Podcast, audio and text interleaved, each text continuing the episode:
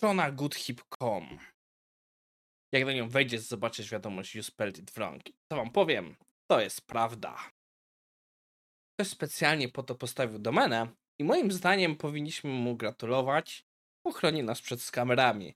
A w dzisiejszym odcinku Monolith Prime Transformers. I nie pytaj, by pytać. Czas zacząć.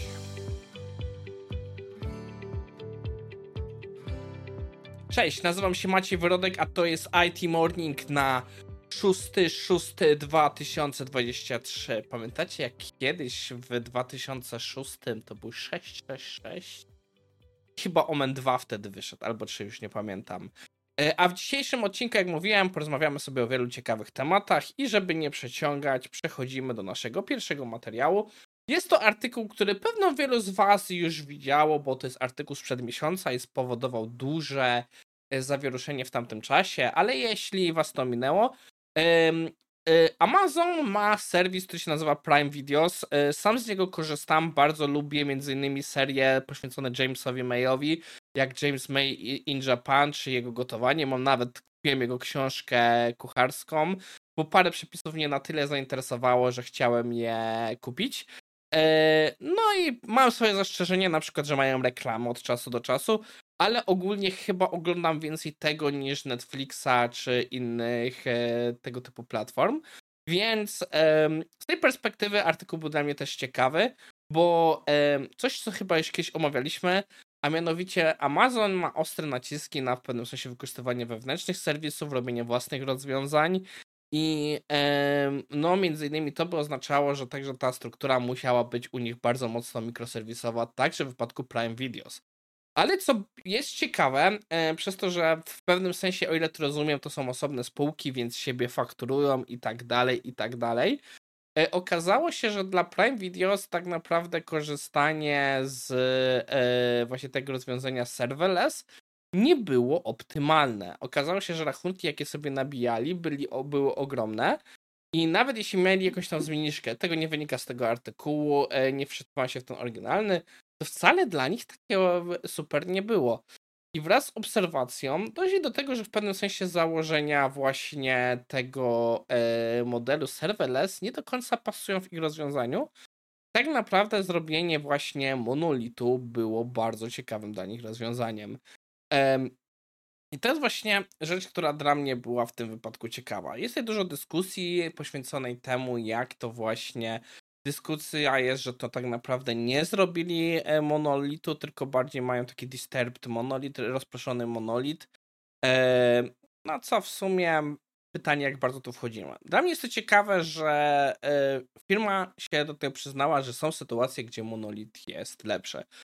Ja dalej uważam, że monolit na starcie jest dobrym rozwiązaniem. W momencie, gdy idziemy za bardzo w inwestycje, w jakieś rozproszone architektury, gdy nie mamy tego skali, gdy nawet nie wiemy, czy uzyskamy tą skalę, nie ma sensu. E, warto, wiadomo, w pewnych miejscach od razu od początku projektować, gdzie możemy rzeczy dzielić, ale no jak sam opowiadałem w ostatnim moim odcinku na temat długu technicznego, jak mnie Grzesiek poprawił, techniczne, nie technologiczne, e, to to jednak jest rzecz do jak najbardziej dyskusji, czy to ma sens.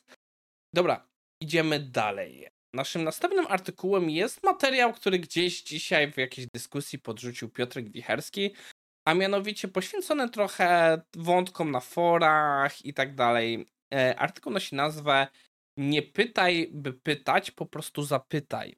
E, chodzi o to, żeby nie zadawać takich pytań, które to w pewnym sensie zaczepieniem. Pytanie typu, e, czy są tutaj jacykolwiek eksperci Java? kiedy tak naprawdę e, autor mówi, że tak naprawdę pytanie, które chcemy zadać, to jest, czy są to jacyś eksperci Java, którzy są e, gotowi skomitować się, żeby spojrzeć w mój problem, nieważne czy on się okaże, że jest powiązany z Javą, czy nie. A tak naprawdę może się okazać, że to jest proste pytanie, na które każdy by odpowiedział. A co jest tak naprawdę, jak autor idzie jeszcze dalej, to jest pytanie, cześć, czy ktoś z Java jest mi w stanie pomóc, bo jestem zbyt e, zbyt leniwy, by e, fak faktycznie zbudować pytanie i zobaczyć, które są poprawne odpowiedzi. E, ogólnie się zgadzam z tym, że warto poświęcić chwilę więcej na pytanie, ale e, ja mam e, tutaj jedno zastrzeżenie. Są sytuacje, gdy my wiemy tak mało, gdzie nie potrafimy sformalizować pytania. Ja mogę zrobić cały esej. Mi się nawet zdarzyło w paru wypadkach, gdzie próbowałem opisać problem. I okazało się, że przez to moje słownictwo na przykład danej dziedziny było zbyt liche, żeby być w stanie faktycznie opisać problem i próbując go rozpisać, jest to problematyczne. Zwłaszcza jeśli na przykład chcemy, żeby zapytać o tym gdzieś na publicznym forum i tak naprawdę nagle się zaczyna wtryniać 50 tysięcy głosów. Czasami ja bym, ja bym nawet poszedł krok dalej. Ja bym, bym się zaciekawił, czy w takim wypadku dałoby radę napisać hej, czy jest tutaj ktoś, kto zna się na, to, na tyle tematem, żeby pomógł mi, jak sformułować pytanie, które powinienem zadać. O co chodzi? Chodzi o to, że e, z jednej strony trzeba czasami, że tutaj mamy bardzo duży przykład tego, że druga strona zakłada, że jesteśmy po prostu leniwi. E, I myślę, że to czasami jest. Ale z drugiej strony, ja myślę, że chyba, że warto poświęcić czas research z naszej strony, albo nawet wprost powiedzieć, hej, nawet nie wiem jak zapytać o problem, który mam, ktoś jest w stanie mi pomóc, chociażby e, pomóc mi, by chociażby doprecyzować, co jest moim problemem, jak, jak opisać ten problem. To też jest chyba istotna kwestia. Jest tyle rzeczy, którą ja właśnie widzę w wypadku juniorów, którzy pytają, jak zacząć. Pytanie jest jak najbardziej zasadne.